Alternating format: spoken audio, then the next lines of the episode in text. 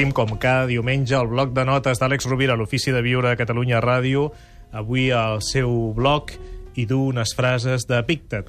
Sí, Eh, senyor. Què tal, Àlex? Molt bon dia, ben retrobat. Molt bon, molt bon dia a tots. I, I tu em deies abans d'entrar, bé, sembla mentida com un esclau va poder escriure el que va escriure Pictet sobre la llibertat. Absolutament, Gaspar. De fet, eh, pels qui no el conegueu, Epictet va ser un filòsof molt influent, estoic, que va néixer esclau a l'any 55 a Hieràpolis, a Frígia, a l'extrem oriental del, de l'imperi romà.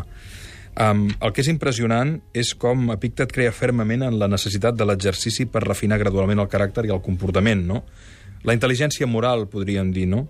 Um, I en aquest sentit uh, hem triat una, una frase molt interessant que d'alguna manera anticipa allò que avui es coneix com la pregària de la serenitat, que diu eh, concediu-me la serenitat per acceptar les coses que no puc canviar, el valor per canviar les que sí puc i la saviesa per establir-ne la diferència. Ara llegirem el fragment de Pictet, eh, que és breu, però que ens ajuda molt a reflexionar sobre l'art de viure, l'ofici de viure. Diu, la felicitat i la llibertat, i això ho deia un esclau, comencen amb la clara comprensió d'un principi. Algunes coses són sota el nostre control, altres no. Només quan hem fet front a aquesta regla fonamental i hem après a distingir entre allò que podem controlar i allò que no, serà possible la serenitat interior i l'eficàcia exterior.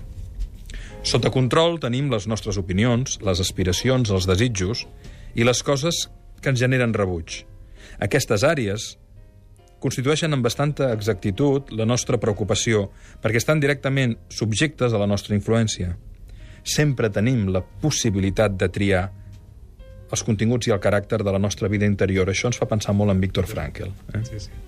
I segueix. Fora de control hi ha coses com el cos que tenim, a l'haver nascut en la riquesa o el tenir que prosperar, la forma en què ens veuen els demés i la nostra posició a la societat. Això està fora del nostre control. Hem de recordar que aquestes coses són externes i, en conseqüència, no constitueixen la nostra preocupació. Intentar controlar o canviar allò que no podem té com únic resultat el turment, el patiment. Recordem, les coses sobre les que tenim poder estan naturalment a la nostra disposició, lliures de tota restricció o impediment, però les coses que el nostre poder no hi arriba són debilitats, dependències o venen determinades per al caprici i les accions dels demés que no podem controlar. Recordem també que si pensem que podem portar les regnes de coses que per naturalesa escapen del nostre control, o si intentem adoptar els afers d'altres com a propis, els nostres esforços es veuran desbordats i ens convertirem en persones frustrades, plenes d'ansietat i molt crítiques. És curiós eh, i admirable com aquest text de Pictet és tan actual. Perfectament vàlid. És a dir, posem atenció en allò que podem canviar i deixem-nos de perdre el temps amb allò que s'escapa la nostra competència, però sense renunciar que allò que potser ara no hi arribem, si fem molt bé el que hem de fer, hi arribarem. Si volem un canvi social, si volem una més bona distribució de la riquesa, si, vull, si volem reduir la taxa de fracàs escolar d'aquest país, si volem tantes coses importants, si volem instal·lar una cultura d'hàbits, de coratge, de responsabilitat, de propòsit, d'humilitat, d'esforç, però juntament a moltes altres variables, una cultura, pas a pas. I sobretot, jo portaria en la reflexió d'allò que tens al teu abast.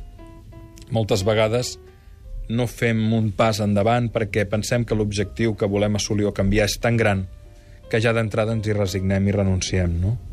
O adoptem, com dèiem l'altre dia, una postura d'indiferència.